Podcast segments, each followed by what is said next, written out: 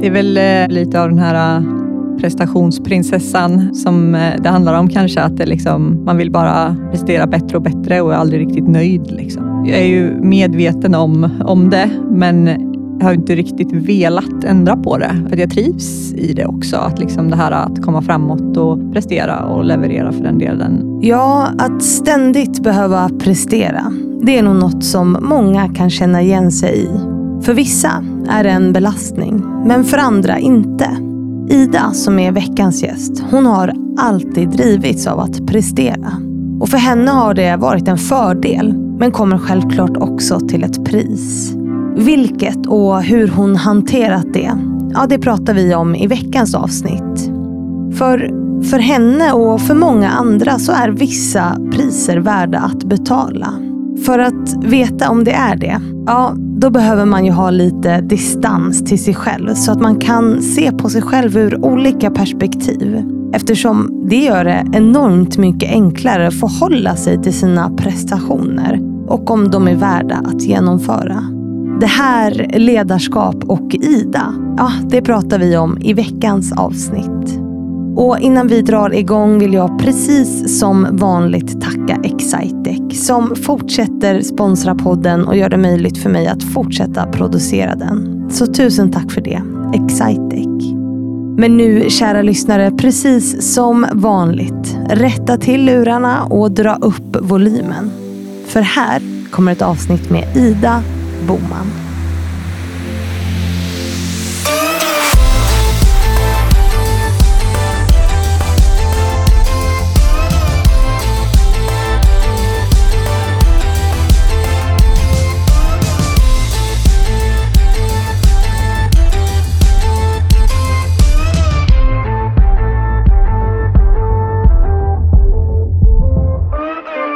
Nu är du här, Ida Mm. Boman, hela vägen från Jönköping. Jajamän. Eller Huskvarna, förlåt. Huskvarna ja. Det var, det var Nej, viktigt att Jag jobbar ju i Jönköping. Mm. Så att, eh, ja, och det, Huskvarna tillhör ju Jönköping som sagt. Ja, som sagt. Men det var tydligt att poängtera det när, Mm. du, när du kom hit idag.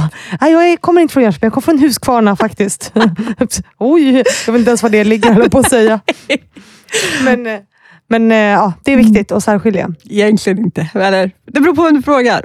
Ja, jag din, din sambo tyckte att det, eller din man. Ja, blivande man. Eh, nej, jag vet inte om jag ska hänga ut honom i det. Det är väl lite sådär internt skämt i Jönköping, Huskvarna tror jag väl. Jag kommer ju inte därifrån, jag kommer från Värmland. Så att, Ah, du är från Värmland från Ja. början, okej.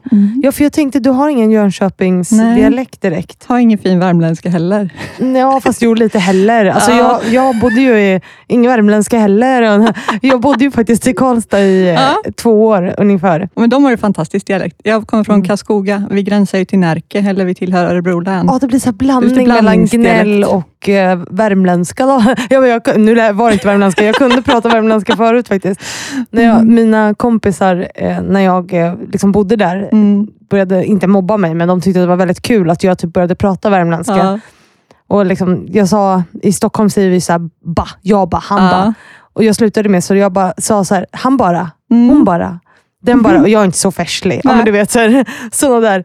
Och, och det här uttrycket, jag ska jämt Mm. göra det här. Mm.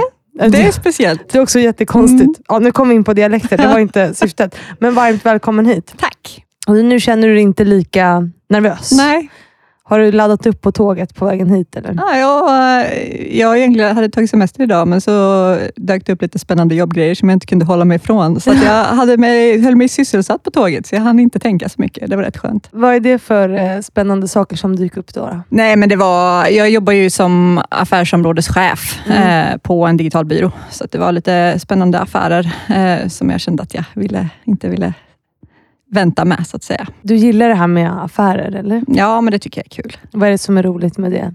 Nej, men jag, e- egentligen så är jag ju, drivs jag ju väldigt mycket av utveckling. Alltså att utveckla saker, eh, se saker hända, ja, utveckla både mig själv och i det här fallet då, där jag jobbar med företag, alltså Mm. deras verksamhet med hjälp av marknadsföring och digitala lösningar. Mm. Så att det är väl egentligen snarare liksom affärsutvecklingen som, eh, som jag drivs av, eller att, att kunna ta saker framåt. Mm. Eh, inte kanske liksom säljet i sig, utan mer affären i, alltså lösningen i affären så att säga. Mm. Och Vi ska prata mer om vad du gör idag, Mm. men jag tänker att vi ska börja med som alla gäster brukar få börja med att liksom presentera sig själva, vilka man, Mm. vem man är. Så nu har vi gått igenom att du, du är från Värmland Mm. från början, eller Karlskoga. Mm. Det är gränsen, det räknas till Värmland. Mm. Ja. Fortsätt, vem, vem är Ida? Ja, nej men eh, vem är Ida? Det är en jättesvår Ja, det är en fråga. fråga. Vad är ditt syfte i världen? Varför finns du? Nej. Ja, eh, nej men jag är väl eh, en... Jag skulle väl säga att jag är en eh, väldigt eh, glad person. Eh, framåt, alltså som jag var inne på, jag trivs av att liksom, eller drivs av att utvecklas och liksom att det händer saker hela tiden. Mm. Ehm, jag eh, kan nog upplevas, eller liksom, det är ett ord som kanske klingar lite negativt, men jag skulle väl kanske beskriva mig som lite rastlös. Mm. Tycker om när det liksom är s- mycket på gång samtidigt, eh, ha saker igång som, liksom, som jag brinner för. Mm. Sen så skulle jag väl ändå, om man liksom mer ska gå på personliga egenskaper, så säga att jag är en eh, omtänksam person. Eh, har egentligen hela mitt liv varit väldigt, haft ett väldigt liksom stark, eh, starkt driv, eller jag har alltid känt att rättvisa är någonting som är väldigt viktigt. Mm. Ända sedan jag var liten egentligen. Var kommer det ifrån tror du?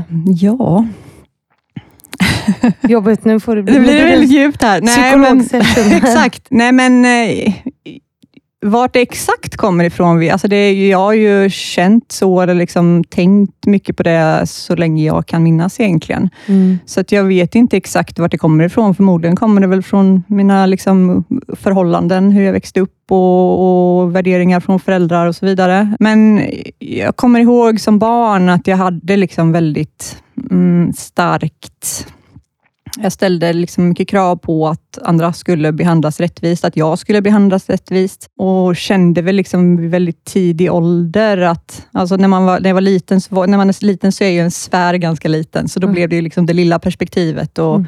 och det. Men sen när jag kom uppåt åldern så blev jag väldigt engagerad, eller liksom, ehm, jag började måna väldigt mycket om när man började förstå att andra länder kanske inte, eller barn i andra länder framförallt, kanske inte, som jag såg då, alltså eftersom att jag var ett barn, inte har det lika bra, så blev jag, liksom, jag, jag blev väldigt berörd, eller liksom illa till mods av att se eh, att andra inte har det lika bra Mm. som jag. Så det blev väldigt tidigt liksom just rättvisa och ja, men, eh, jämlikhet egentligen, alltså att alla ska, ska få, få ha det lika bra. Vad gjorde du då? då? Ja, jag eh, tjatade och tjatade på min mamma och övertalade henne att vi skulle skaffa fadderbarn och vi skulle skänka pengar och varenda reklam som kom upp på TV när det liksom var ja, Röda Korset och alla sådana här reklamer så jag här, mamma, mamma, vi måste skänka pengar och Ja. engagerade mig ju liksom mer i, i, ehm, i det jag kunde, eller det jag såg att jag kunde. Och Det var ju som sagt när vi hade fadderbarn då och såg till att skicka presenter och skriva brev och, och liksom kommunicera mycket. Mm. Eh, ville liksom ja, bli en, en vän. Ja. Skrev mycket överhuvudtaget när jag var liten, så här, i Kamratposten och sånt där. fanns det ju på den KP, tiden. ja. Precis. Hur gammal är du? Jag är född 88, så Ja. jag fyller 35 i år. Du är ett år äldre än mig då. Mm. Mm. Nej, så mycket så här brevväxling och liksom, eh, nyfiken på andra människor och andras liv. Mm. Intressant. Det är något som är väldigt utvecklande, tänker Mm. jag. Att vara nyfiken på andras liv. Mm. Hur har det visat sig i övrigt? Ja, nej, men jag är ju nyfiken generellt. Det är väl kanske det som, som jag skulle använt när jag skulle beskriva mig själv där i början. Nej, men nyfikenhet är väl något som har funnits i mig alltid. Och det är ju nyfiken på människor, men jag är också nyfiken, jag har alltid varit nyfiken på liksom, kommunikation. Ehm, jag hade en lek med min eh, stora syster när jag var liten. Vi satt och kollade på TV i alla reklampauser, så satt vi och tävlade eh, om eh, att man, vem som skulle kunna gissa vilket varumärke det var som hade reklamen först. Och Jag satt och skrev ner, det var på den tiden när internet inte var tillgängligt för alla. Vi hade en dator på skolan, så jag satt och skrev ner. Det var populärt att skriva i sina webbplatsadresser. Ja. Eh, i tv-reklamerna. Så då hade jag ett litet block och skrev ner alla webbplatsadresser och så tog jag med mig det till skolan och ville liksom se vad det här var för någonting. Och Mm. att jag har alltid liksom haft den här nyfikenheten, både i, i människor och i eh, liksom, ja, kommunikation framför allt, skulle jag vilja säga. Eller liksom i omvärld och allt som händer runt omkring en. Mm. Men eh, kopplat till just människor, så tror jag att jag var nog jag var nog mer nyfiken när jag var yngre på människor och sen någonstans på vägen så blev jag väl eh, lite mer osäker i mig själv kanske, i tonåren och uppåt där. Eh, och liksom mer blyg. Hur visade det sig? Eh, Att du blev- sa att du blev blyg, men... Ja, eh, jag blev blyg och mm, tyst. liksom. Mm. Hade väl lite svårt att ta plats i större sammanhang och liksom, eh, ja, eh, hitta min roll Mm. i större grupper och sådär. Så att där blev ju liksom, den här nyfikenheten fanns ju kvar, men jag vågade inte riktigt ta för mig lika mycket i det Mm. eh, och, och liksom, eh, använde den inte riktigt lika mycket. Och Det känner jag väl att jag har fått tillbaka, framförallt, liksom, eller byggt upp igen de senaste tio åren egentligen. Mm. Eh, som, Jag tror att det beror på att du hamnade där och att du blev osäker och slutade vara nyfiken. Ja, nej men ja, dels så tror jag att det handlar om liksom omvärlden, eller framför allt kanske liksom omvärldens... Jag var väldigt sprallig och liksom, ja, men utåtriktad och, och kanske liksom inte riktigt höll mig i ramarna. Eller liksom, ja, eh, gjorde inte vad som förväntades. Eh, nej, Ja, Ja. eller som, jag vet, förmodligen kanske. Men eh, nej, jag, jag kände väl liksom att jag inte riktigt passade in eller ja, Mm. var som man skulle. Liksom. Så jag började väl begränsa mig i det och, och sen kom det väl lite av liksom tonåren. Jag var en del mobbad när jag var liten eh, för att jag var tjock. Och Det gjorde ju också liksom att man inte vågade ta samma plats eh, på det sättet. Usch vad hemskt. Blev det jättedjupt här? Ja, men det, det får det ju bli. För jag tänker Mm. att det där är också så otroligt vanligt, att man blir mobbad för att man är tjock Mm. liksom, genom hela, hela livet på Mm. något sätt. Alltså, även om man inte är barn. Hur påverkar det dig, förutom att du liksom tonade ner? Det måste ju varit superjobbigt. Ja, nej men jag slöt mig nog ganska mycket i det. Jag pratade inte så mycket om det. Det tärde ju ganska mycket på min självkänsla. Mm. Eh, så. Men där, eh, och, alltså, det är ju det fina med att, att bli vuxen och äldre. att man, eh, I alla fall jag, det är väl inte, liksom, gäller väl inte alla, men i mitt fall så har har liksom blivit mycket mer trygg i mig själv. Sen ska jag väl säga att alltså, den kroppspositivism som finns idag, eller liksom, eh, aktivismen i det, har ju hjälpt mig jättemycket att Mm. liksom, komma över det, eller vad man ska säga. Mm. Jag är ju inte alls, liksom, har inte alls den osäkerheten idag, kopplat till liksom, mitt utseende eller någonting sånt. Men det var ju inget, inget kul när man var liten. Vad var det de gjorde då? Alltså, de sa du är tjock, eller liksom, hur Ja, yttrade det Ja, sig? nej, men det var ropa i korridorer och tjockis och Mm. liksom, kommentarer på ens utseende. Mm. Eh, Så. Det måste ändå krävas en del jobb att liksom ta sig ur den osäkerheten, tänker jag. Mm. Och att liksom, det bygger ju upp en frustration hos en när man eh, tonar ner sig. och liksom, du, du blir ju någon som du inte är Mm. egentligen på grund av yttre omständigheter, Mm. vilket ju Mm. händer många. Sen om det är för att man är tjock, eller för att man är kvinna, eller för Mm. att man är eh, inom situationstecken nu ful. Alltså, Det Mm. kan ju vara av olika... Alltså, vi stoppar in människor i fack överlag. Mm. Liksom. När kom du till insikten om, om det? Liksom, att det var så? För jag tänker att det är inte så att man från en dag till Nej, en annan så här, tonar ner sig själv och sen Nej, bara, åh nej, nu nej. ändrar jag det. Utan det är ju Och- en process. Ja, nej, men jag, jag tonade nog ner mig själv och tonade upp mig själv och gjorde allt Mm. möjligt. Mm. Nej, men, och jag, alltså, jag skulle säga att det var väl liksom inte bara den delen. Det är många aspekter i det och det var väl tonåren i sig, att man liksom förändras och, Mm. och ja, men, eh, hamnar i nya sammanhang och sådär. Mm. Men, och jag har flyttat en hel del i mitt liv också, så det var ju mycket så här, att man har, har hamnat i olika sammanhang på grund av det och Mm. nya vänner och hitta sin plats i nya sammanhang. Så det är nog många aspekter som spelar in. Mm. Och Jag tror att jag liksom, alltså det är klart att det, man kan se det som utmaningar eller att man kan se det som någonting dåligt, men det har väl jag liksom inte gjort, utan jag har ju växt av det. Alltså jag, är, ju- jag är ju den jag är idag för allt som har hänt i mitt liv, så Mm.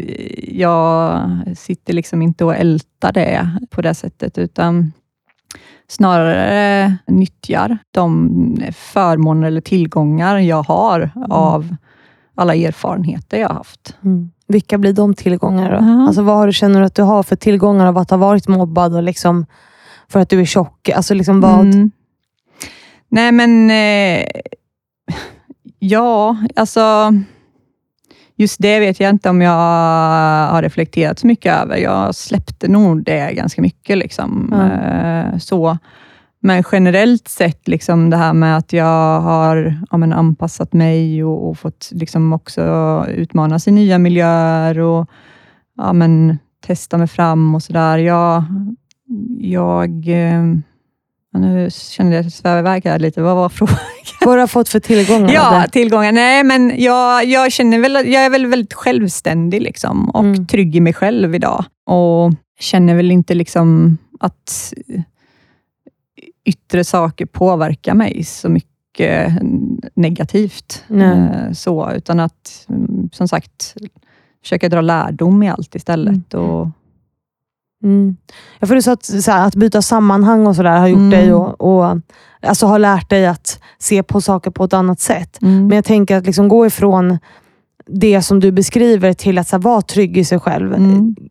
Kräver en del medvetet arbete, Ja, eller har jag fel? absolut. Har du, har du gjort det och hur? Ja, hur? nej, men det har jag. Jag har gått i mycket terapi. ja, du har gjort det. Ja, absolut. Nej, men jag förespråkar terapi. Jag går i terapi nu med. Mm. Eh, och tycker att det alltså jag är ju en, en väldigt analyserande person, skulle jag säga. Mm. Eh, liksom alltid varit eh, ja, men, självmedveten, tror jag, men också alltså, intresserad av varför. Jag eh, analyserar och funderar väldigt mycket på saker och det jag känner liksom kopplat till, till terapi, det är att man får perspektiv på saker och ting. Man får tänka högt Mm. och att man liksom växer i det, eller jag växer i det i alla fall. Men jag har också alltid liksom pratat väldigt mycket med, oavsett om det har varit min mamma eller kompisar, eller liksom bollat och ja, ehm, varit väldigt liksom intresserad av att feed, få feedback. och Mm. ja, Det är lite kopplat till det som vi pratade om i början, att jag, jag vill ju utvecklas. Jag vill bra, vara en Mm. bra människa. Jag vill vara en bra människa helt enkelt. Ja, men och det är viktigt att vara bra på att be om feedback, tycker Ja. jag. Alltså, hur, hur gör du det? I vilka situationer? Ja, men dels på, så gör jag det såklart på jobbet, men också liksom i vardagen. Jag kanske inte eh, säger rakt ut så här, nu vill jag ha feedback på det här, utan det är mer att jag lyfter en situation, eller jag lyfter en, situa- alltså en situation när jag har gjort någonting, eller när, ja, men, ja, kanske när jag har gjort någonting och ber liksom mer om, så här, men, om reflektioner snarare kanske. Mm. Eller så här, tankar på eh, hur jag hade kunnat göra det, eller varför det blev som det blev. Och, Mm. ehm, så det gör jag ju både som sagt med mig själv, men en tendens, när man bara gör det med sig själv, så blir det oftast bara snurr i huvudet. Så att det är mycket så här, tänka högt med andra Mm. eh, och då få deras perspektiv och liksom feedback i det, lite per automatik. Men då ber du kollegor eller din fästman eller liksom, och bara, Mm. hur gjorde jag i den här situationen? Eller det här hände och hur upplevdes det? Eller liksom, Kollegor och min fästman, som känns jättekonstigt att säga. ja. Nej, men, Är ni nyförlovade? Eller Ja, vadå? eller ny. Det är sen i, i nyår. Så Ja, att, okej. men, ja, min, min sambo slash fästman och det är vänner, min mamma. Så att jag, jag är nog ganska filterlös och pratar med, med de flesta som jag liksom har i min närhet. Så. Mm. Är du bra på att ta kritik då också?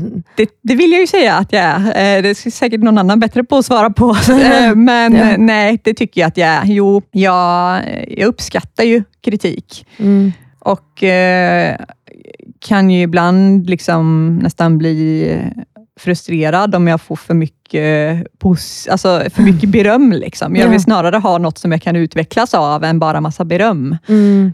För ja, det är klart att det är fint att få beröm, men det är väl också så typiskt att man inte kan ta emot det. Mm. Eh, men eh, jag uppskattar ju nog mer snarare liksom konstruktiv kritik eller tydlig feedback i hur jag kan utvecklas än massa beröm. Vad händer när du får beröm då? Mm, nej, då blir jag obekväm. Det får du fråga min chef om, för hon är expert på att ge mig beröm och jag blir lika, det skruvar mig i hela kroppen varenda gång. Men varför tror du att det är så då? Varför, varför är det så jobbigt att få beröm om du Ja. gillar att få kritik, tänker jag? För det gäller ju att ha någon form av balans i det Mm. där också. Absolut. Nej, men det är väl, eh, Jante pratar man ju om, men det är väl liksom ja, att jag har svårt att... att, att att, jag, jag, vet inte, jag tycker liksom det blir jobbigt när det uttalas eh, så högt och eh, svårt att ta till med det. Ja, vad tror du att du kan göra för att bli bättre på det? Det kanske är något du ska prata med din terapeut om. Ja, det gör jag. Att kunna ta för det tänker jag att det är, att det är viktigt. Mm, liksom. Det är jätteviktigt. Att och kunna jag, ta åt sig av det och ja. inte bli obekväm. Och jag försöker ju jobba med det. Liksom. Jag vet ju att jag behöver bli bättre på det och jag försöker ju tänka på det mm. i, när, det, när det händer och när jag mm. får beröm eller liksom positiva kommentarer. så. Jag har inte, löst, jag har inte knäckt eh, koden än riktigt. Nej, för Jag tänker att det lätt kan bli så att om man liksom är en sån person som vill utvecklas mm. och man vill vara ödmjuk och man vill liksom vara den bästa versionen av sig själv. Att, mm. man liksom, att det också kan bli att man inte att man aldrig är det. Förstår du vad jag mm. menar? Och att det då blir svårare att ta mm. beröm. Eller hur mm. tänker, tänker du om det? Ja, så är det väl. Ja. Nej. Gud vad jag börjar analysera dig här nu. Vad jobbigt det blev. ja, det är djupa frågor. Nej, men eh, jag, jag, jag vet ju att, som sagt, att jag, det, det är väl, eh, om man ska liksom komma in på det, så är det väl lite av den här prestationsprinsessan som eh, det handlar om kanske, att det liksom, man vill bara prestera bättre och bättre och är aldrig riktigt nöjd. Liksom. Och då, mm. då är det också svårt att ta emot eh, den här eh, positiva feedbacken eller berömmet, för att jag själv inte all, alltså jag är ju inte nöjd själv än, utan jag har ju mer att ge. Mm. Um, så ja, Det handlar väl om självkänsla också såklart. Ja, för jag tänker att det där kan bli, gud vad det blev analyserande nu av dig, mm. men det där kan bli en negativ spiral när man är, jag har också alltid varit eh, förut mm. en prestationsprinsessa som liksom alltid har velat prestera bra, mm. bra, bra hela tiden. Och till slut blir det ju aldrig någonting. Alltså man Nej. ska alltid ha nästa sak. Mm. Liksom. Och Det är också en jakt som mm. är, är ganska liksom, eh, destruktiv efter mm. ett tag. Om man får... Absolut. Alltså det begreppet, eller liksom det, den uh, grejen har jag ju varit medveten om. Mm. Och Jag är också medveten om att jag är väldigt prestationsfokuserad liksom, och, och, vill framåt hela tiden. Och Jag har väl också varit... Alltså, jag är ju medveten om, om det, men mm.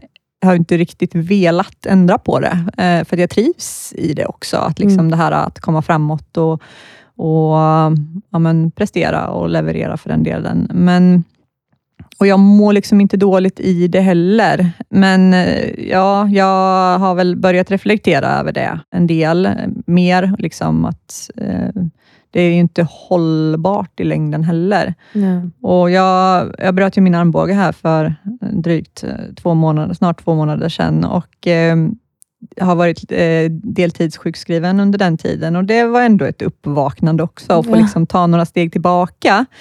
Och eh, Jag hade väl jättesvårt för när jag fick beskedet om att så här, nu är det sjukskrivning som gäller och mm. du kommer inte kunna jobba och sådär.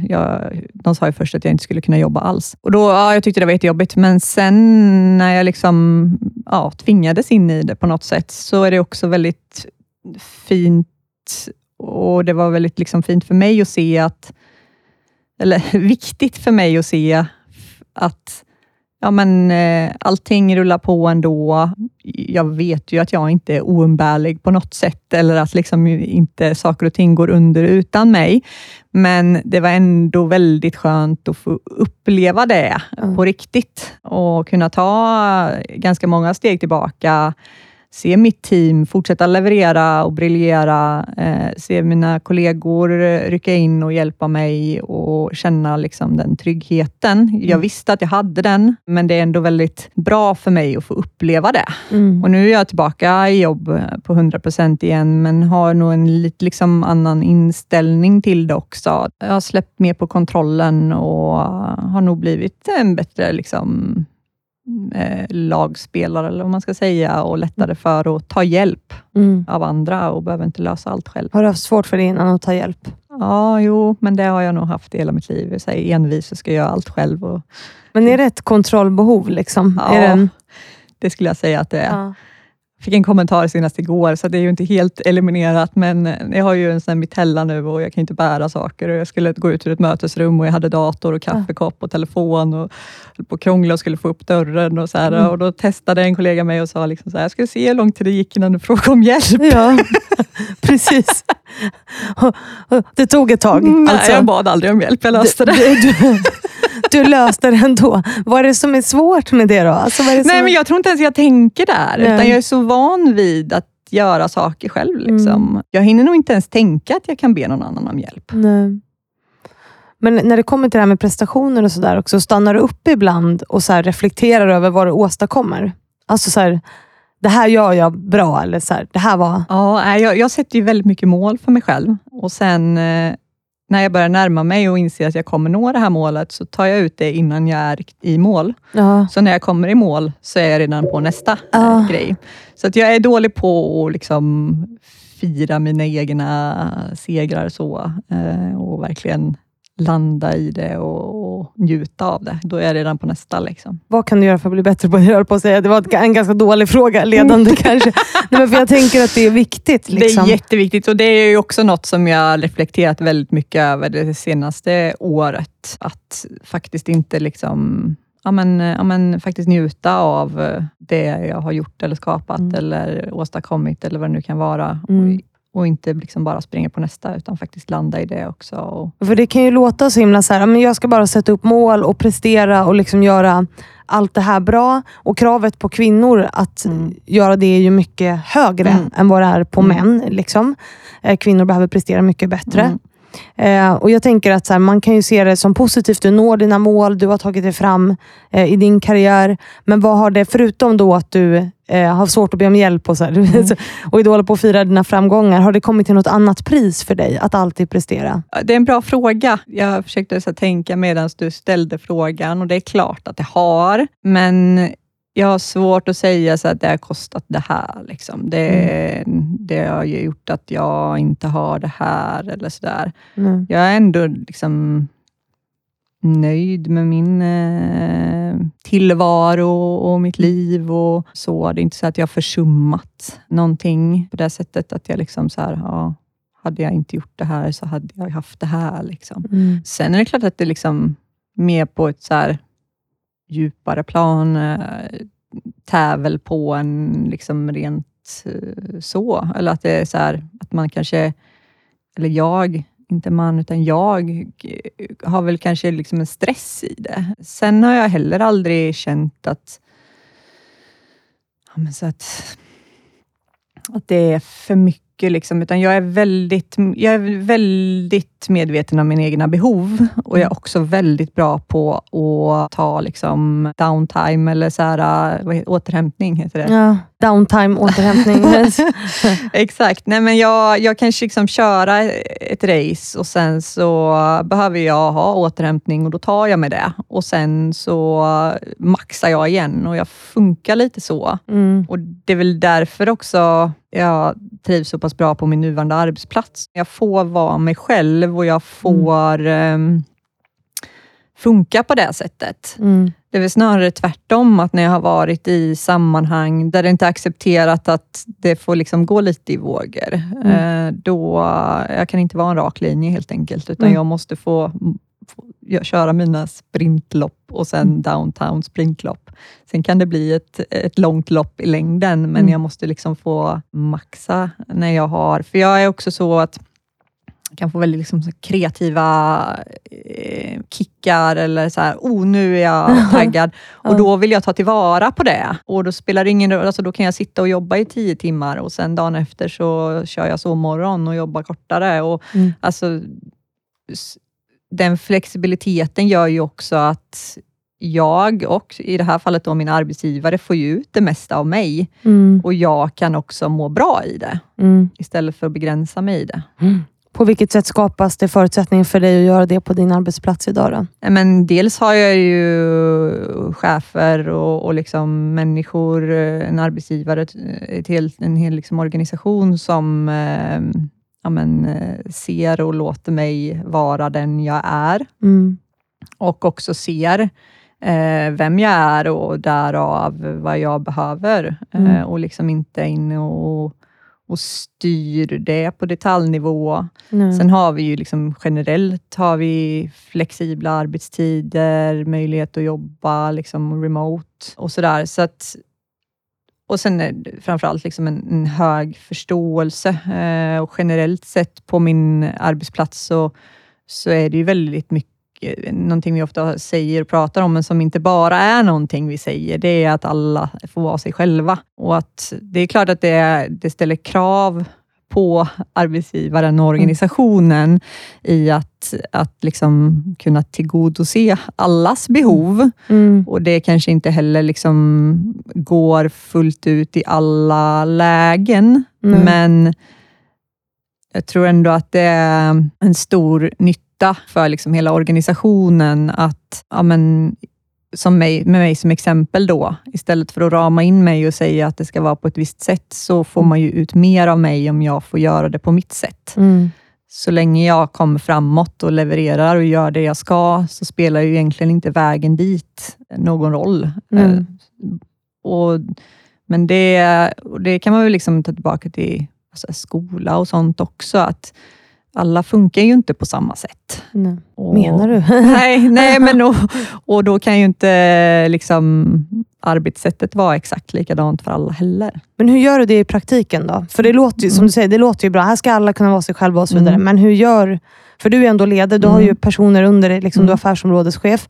Hur, hur gör du det i praktiken? lyssna och prata väldigt mycket. Och framförallt lyssna. Men vi har ju liksom inte ett utvecklingssamtal en gång om året, utan vi har sam- medarbetarsamtal, eller energisamtal som vi kallar dem, eh, varje månad. Men Mm. vi pratar också med varandra däremellan och, och lyssnar eh, Mm. väldigt mycket. Mm. Framförallt. Mm. Och liksom ta reda på människors Mm. behov. Liksom, och Vad behöver du? Mm. Eller hur kan jag bli bättre? Mm. Eller liksom, Ja, och anpassa då, det kan vara små detaljer som inte, inte är något jobb att anpassa, men det kan göra jättestor skillnad för den här individen. mm. Att eh, den eh, får liksom eh, små grejer eller små förutsättningar som gör saker och ting lättare. Men vi går tillbaks till det här med prestationer och, och att ha svårt att ta beröm. Mm. Därför att du var ju i år, det var i år va? Mm. Utsedd till Årets unga ledande kvinna i Jönköping, eller hur? Jönköpings län. Jönköpings län. Ja, det- och det är viktigt för där ingår Huskvarna. Eller? Ja, det ingår i Jönköpings kommun också. Så Okej. Ja, ja. Men, men i Jönköpings Mm. län då. Eh, Hur kändes det då? Om det är svårt att ta... För du, det blir man ju nominerad till av Mm. sina anställda. Du var också dina anställda som... För jag ledde ju den galan Mm. och då kom dina anställda fram till mig och bara, du måste ha med Ida i podden och så mejlade de mig. Alltså, hur känns det? liksom? Nej, men det kändes jättekul. Jag har ju väldigt många förebilder på den listan och också för detta kollegor och, och eh, vänner och så vidare. Så att eh, det var ju jättestort för mig att komma med på den listan. Det är ju en nomineringsprocess där först allmänheten får nominera eh, och sen så är det en rekryteringsprocess där man får intervjua, eller först är det en, en jury som väljer ut och sen så är det en rekryteringsprocess och sen så går man vidare. Jag har varit nominerad av allmänheten till den här tre år i rad egentligen. Mm. Men det som var fint i år var att man kunde få se nomineringstexterna från de andra. Så det, det var jättefint att se. Det var både mina chefer och kollegor och som du säger, medarbetare och så vidare. Men det har väl varit ett litet mål för mig också Mm. någonstans. Om vi kommer in på det igen. Du, ett mål att hamna där på Ja. något sätt. Ja. Nej, men jag, jag satte väl, det var väl egentligen eh, ja, det var 2017 eller något i den stilen som jag liksom började intressera mig för ledarskap. Och Då blev ju det här någon, någon slags liksom mätpunkt i det. Dit ska jag. Så det var väl eh, liksom en sån, att jag då kom med på den här listan blev ju lite av ett mål istället. En prestation. Och så nådde... Fan också. Så då kändes det bra, eller? Ja, det var jättekul, men det var framför allt, alltså, då fick jag ju berömmet eh, Mm. genom att se de här eh, nomineringstexterna då. Mm. Och Det var ju också skriftligt. Och Det föredrar jag kanske. eh, Att Mm. få liksom läsa det själv i Mm. lugn och ro när ingen tittar på mig. Mm. Och då är det lättare att ta till mig det tror jag också, än om någon säger det till mig. För då blir det nästan att jag känner att jag liksom måste visa tacksamhet och jag ska liksom prestera i åt andra hållet. Att, Ja. här, att jag ska ge tillbaka. Och så här, Mm. jag, jag, då får jag svårare att ta till mig det i en sån situation. Så att det var faktiskt väldigt fint att liksom få läsa igenom dem eh, och då, då kommer de rakt in också. Mm. Så det är väl kanske det jag behöver, att jag behöver feedback och, och beröm i text. Ja, och du, och du säger också, så här, för du fick ju frågan varför, eh, vad, alltså det här med ledarskap, Mm. eh, jag vet inte hur jag ska formulera det här riktigt, men du, sa, du skriver en mening, eller säger en mening som att du, du, varför tror du att du blev nominerad, tror jag att frågan var. Mm. Och där du svarar så att jag tror att det handlar om att ledarskap för dig är att inte prata om hur bra du är, Mm. utan hur bra andra är. Mm.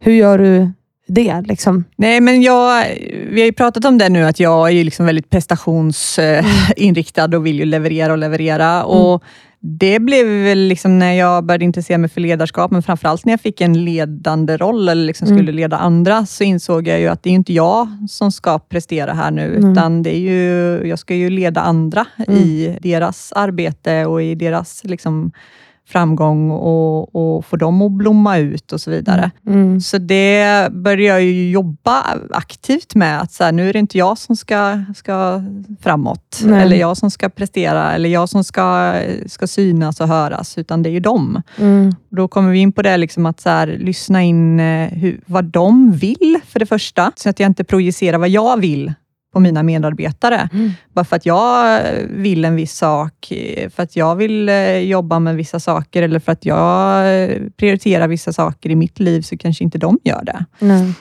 Och Då behöver jag ju lyssna på vad, vad deras mål är, eller vad deras intressen är och vad deras drivkrafter är Mm. och vad de har för behov i det och hur jag kan supporta dem i det. Inte liksom, som sagt projicera mig själv i dem. Nej, Att de ska prestera, prestera, prestera. Nej, Eller? exakt. Utan att de ska få fram sina styrkor Ja. på något sätt. Ja, och om jag liksom... Och det, det, det vill jag ju såklart, för att jag Mm. bryr mig om andra människor och vill vara en bra ledare för andra. Men Mm. också om man ska hårdra det, så drar ju också företaget större nytta av det. Mm. För att, om, som det jag var inne på förut, att om, om alla kan få förutsättningar att, att göra saker som de själva drivs, alltså om det finns ett inre driv, Mm. då kommer du alltid göra det bättre än Mm. om någon säger till dig att du ska göra det här. Så lirka på det istället och försöka hitta, så här, vad är ditt driv? Hur gör du det då? Prata, Ja. lyssna, Prata ställa lyssna. frågor. Och, Men vad ställer du för frågor? Alltså så här, vad, vad tänker du? Vad ställer man för frågor för att hitta någons driv? Säger man bara så här, vad driver dig? För det är ju det är ju inte alla som kan svara på det Nej. heller. Det där måste man ju identifiera på något sätt.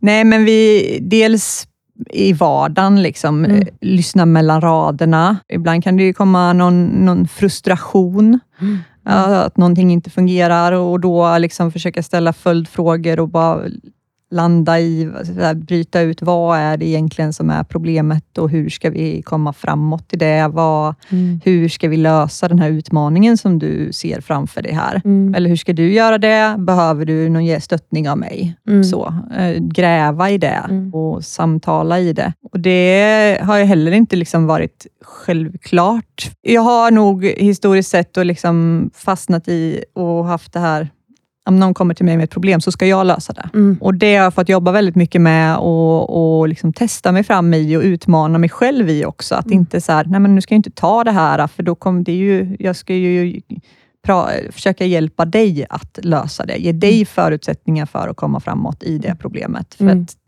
det, hjälper ju, det blir bara en björntjänst om jag bara löser allting åt alla andra hela tiden.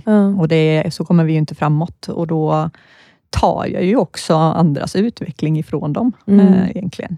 Det där är ju supersvårt. Alltså, Ja. Jag är ju också lösningsorienterad. Ja. Eh, Så det är ju supersvårt att inte säga, men lös bara problemet så här. Mm. Eh, Och låta människor komma fram till det Mm. själv. Eh, Men, men det, är väl, det är ju att träna på att ta Mm. ett kliv tillbaks och bara så här, lyssna på Mm. något sätt. Hur tänker du nu? Mm. Eller, eller förstår du? Är det så du gör? Exakt.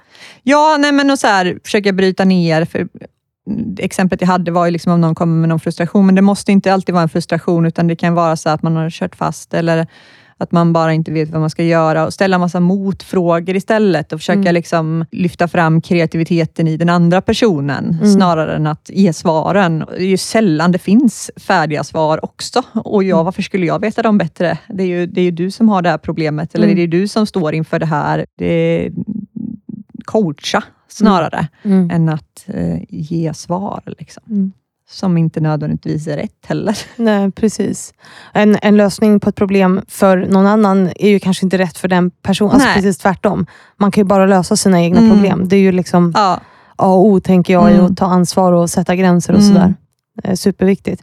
Men du har också sagt att du liksom, en del av att vara en förebild och att vara en ledare är också att våga bjuda på sig själv och att det är något som du upplever att du gör. mm. Hur gör du det? Nej, men jag eh, är ju som jag sa ganska filterlös på Ja. gott och ont.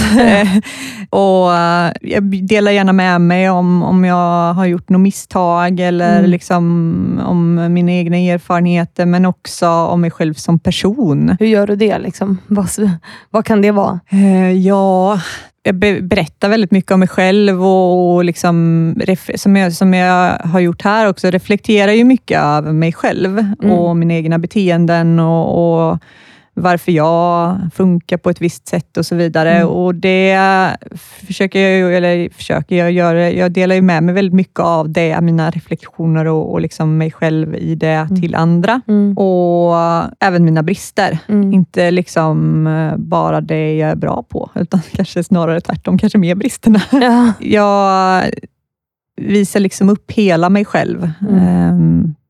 Och jag har liksom inte det här, ett jobb-Ida som, som, och ett privat-Ida, utan Nej.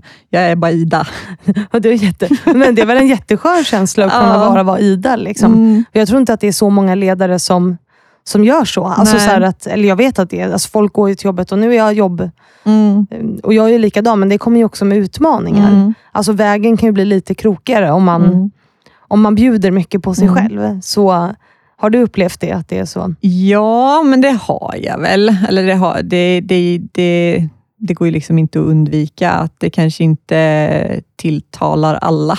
Eller Nej. att jag inte tilltalar alla. Och eh, i olika sammanhang så kanske det inte, alltså, på, alltså om man tänker i jobbsammanhang så är det väl liksom inte alla, all, alla arbetsgivare eller chefer eller rekryterare som, eh, som kanske eh, tilltalas av, eller som, som ser det positiva i att man kommer in och fläkar ut sig över bordet och är liksom... Eh, vissa ser det säkert som icke-professionellt, men jag skulle väl säga att jag har haft mer fördelar av det än nackdelar. Ja, för det här att vara sig själv, det är också, nu kommer jag bli ytlig här, Mm. men att, eh, för att det hänger också väldigt ihop med att vara kvinna, liksom, Mm. att det är ytligt och hur man ser ut och så vidare. Och Du har ju näsring och du Mm. har tatueringar och liksom så här, och, och, och, så, och samtidigt så är du dig själv och fläcker ut dig och bjuder på dig Mm. själv. Alltså Vad har det kommit med för utmaningar? För det här ytliga på något Mm. sätt. Först, får jag, jag är så Mm, ytlig nu. mm. Ja, men Därför att det det. är en viktig aspekt, tänker jag. Nej, men jag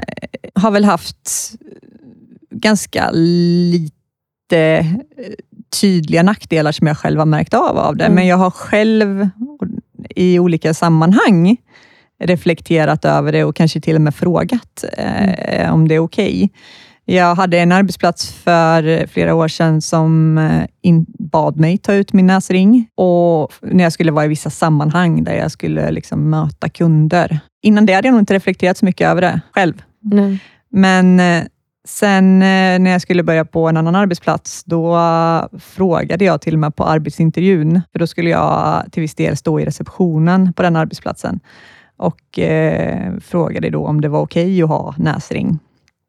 Och då fick jag tvärt emot. Ah. Eh, Så här, eller ja, eller va? Det, ja, det kanske du får, kommer få kommentarer på, så, men för, det är inga konstigheter. Det, så länge du inte bryr dig om det, så fick jag liksom där. Och då insåg jag väl kanske att eh, för mig är det också viktigt att Alltså jag har ju också valt arbetsgivare och sammanhang som inte dömer mig Mm. för att jag har hela armen tatuerad och för att jag har en näsring Mm. eller för att jag har de kläderna jag har. Sen har jag ju, alltså jag har ju också liksom anpassat mig, men också har jag fått lära mig av det. Alltså jag, har, jag hade en arbetsplats där jag, liksom började, jag, jag var jättenervös inför det jobbet och jag var så mm. glad att jag hade fått det jobbet. Och så tittade jag liksom när jag var på intervjuerna hur alla var klädda och sen gick jag och köpte en helt ny garderob innan för att jag skulle passa in. Ja. Och sen när jag väl kom dit så insåg jag ju att det var ju helt fel.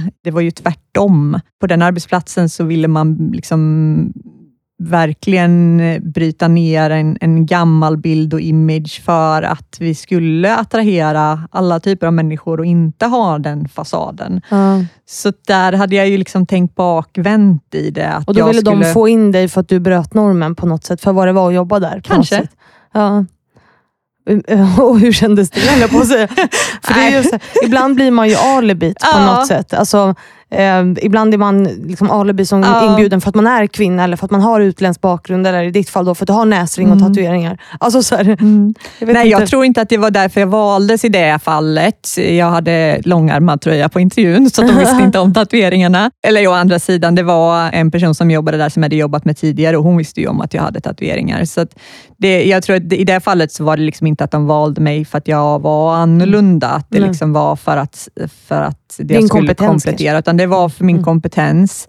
Men det, det, blev ett uppvaknande för mig att, att jag ändå liksom, eh, ja men där var det ju mina fördomar egentligen. Eller mm. så att jag tittade runt lite och fick för mig att den här arbetsplatsen ska man se ut så här på och så gick jag och mm. köpte massa kläder för det. Mm. Och sen när jag kom dit så blev det lite skönt på ett sätt. Nej, men det, blev ju, det var ju ett uppvaknande eller liksom en liten så haha, du hade du fel. Och det, det var ju positivt. Mm. Och jag blev då lite liksom trött på mig själv, att jag hade gått in i den fällan, att jag skulle ändra mina kläder eller min, mitt appearance för arbetsplatsens skull. När ingen hade ställt det Nej. kravet liksom, egentligen? Nej. Nej, och också om de hade ställt det kravet, att jag skulle gå med, att jag gick med på det. Det mm. blev lite så uppvaknande, att varför gör jag det här för? Mm. Det är ju inte jag Nej. att ändra på mig själv. Nej.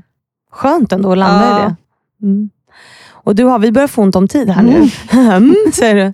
Men du har ju gjort en, en karriär på Toxic där du är nu. Mm. Eh, nu är du affärsområdeschef, men innan var du jämlikhetsstrateg, eller vad, Jämlikhetsansvarig ja. kallar vi den rollen. Det är jag fortfarande och mm. det är ju en del av egentligen ja, men, min roll i ledningsgruppen och mm. eh, det var ju tillsammans med en för detta kollega 2021 som eh, vi eh, tog fram en strategi egentligen och som presenterades då för ledningsgruppen mm. kopplat till hur vi ska jobba med jämlikhetsfrågor. Det är ju, jämställdhet är ju såklart inkluderat i det, men för oss är det viktigt just med att alla ska få vara sig själva. Och Det har alltid funnits, så länge jag vet i alla fall, mm. i kulturen och vi jobbade mycket med de frågorna, men det var mer att, att sätta tydliga processer och mm. rutiner mm. för att säkerställa att, alltså, hur mycket vi än vill att eh, jobba med att alla ska få vara sig själva och att här liksom ska vi inte ha fördomar och så vidare, så har vi ju vår unconscious bias och sätta liksom processer och rutiner som gör att vi jobbar ja, men strategiskt i det, strukturerat i det och att det inte blir personberoende och att vi har liksom, ja, um, rutiner och processer. Ja, för, för du har också sagt att det, är, att det är många som söker jobb hos er på grund av mm. er jämställdhets... Alltså det har varit uttalat. Vad är det, vad är det i, den, i er jämlikhetsstrategi som gör att folk söker sig? Alltså hur gör ni det så konkret att folk söker jobb? Förstår du? Därför att många Många snackar ju om det. Ja, exakt. Men det som är avgörande är ju vad man gör, mm. Eh, som gör att folk söker sig. Mm. Vad tror du att ni gör? Som... Nej, men och Det där eh, var, har vi sagt från början och varit väldigt viktigt för oss att det inte ska bli en varumärkesfråga. Eh, mm. Eh, någonting som vi använder för att göra reklam, för att attrahera fler kvinnor eller för att attrahera eh, personal överhuvudtaget eller för att se bra ut. Eh, utan att vi jobbar ju inåt mm. snarare än utåt. Sen har vi ju pratat om det för att hela branschen behöver ju jobba med de här frågorna mm. och kanske också inte bara utåt. I, det är klart att det är jätteviktigt att vi visar upp hur branschen ser ut och att vi jobbar med förebilder och liksom får fler att intressera sig för tech eller IT.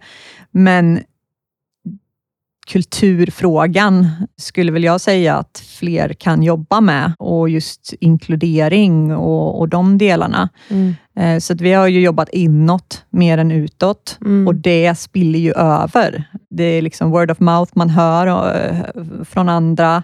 Man eh, ser eh, liksom i vi jobbar ju såklart med marknadsföring och liksom employer branding och kommunikation i olika kanaler om hur det är att jobba på Toxic. Mm. Och det, det speglas ju igenom, men framför allt så, så märks det ju på att medarbetarna på Toxic, eller liksom medarbetare på Toxic, trivs och mår bra och pratar om det, Mm. snarare än att vi liksom skyltar jättemycket med det i reklam. Mm.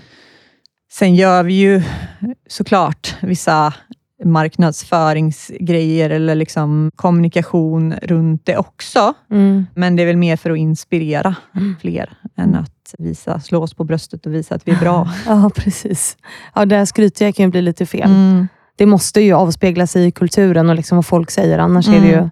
bara spel för galleriet på något sätt. Ja, och när vi eh, tog fram den här strategin då, så gjorde vi ju, då, då ville vi ju också, återigen då att det här är ju något som hela branschen behöver jobba med. Mm. Det är ju tydligt att fler, det, det, det är ju liksom ganska vedertaget att det behöver in fler kvinnor i IT och tech och Mm. att hela den branschen egentligen har kompetensbrist och att fler behöver hitta dit. Mm. Men också att eh, kulturen och, och liksom hur det är på ja, men, ar arbetsplatser i branschen Mm.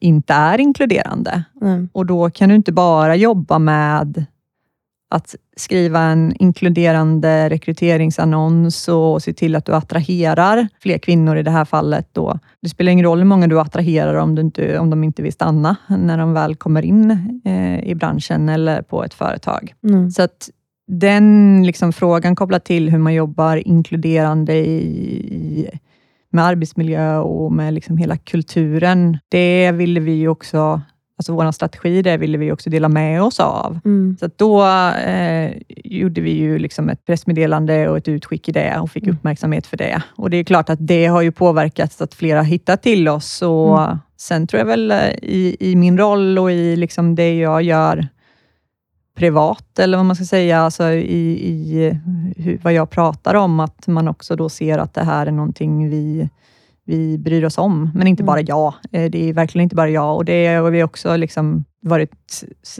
noga med, liksom sagt från början, att det här får inte bli någon slags eldsjälsfråga som en person driver, Mm. utan det är, det är ju en ledningsfråga Mm. som vi driver utifrån ledningsgruppen, men också utifrån eh, olika roller, utifrån HR och rekrytering och Mm. kommunikation och se till att vi får in alla delar i det. Sopa trappan uppifrån, som jag Exakt. brukar säga.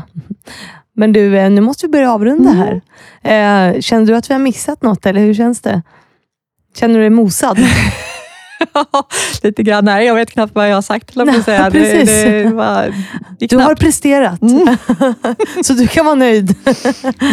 Men du, då säger vi Ida, tusen tack för att du har varit här. Tack så mycket. Och tusen tack till alla er som lyssnat på veckans avsnitt. Jag hoppas ni får en bra vecka och så hörs vi ju på onsdag igen, precis som vanligt.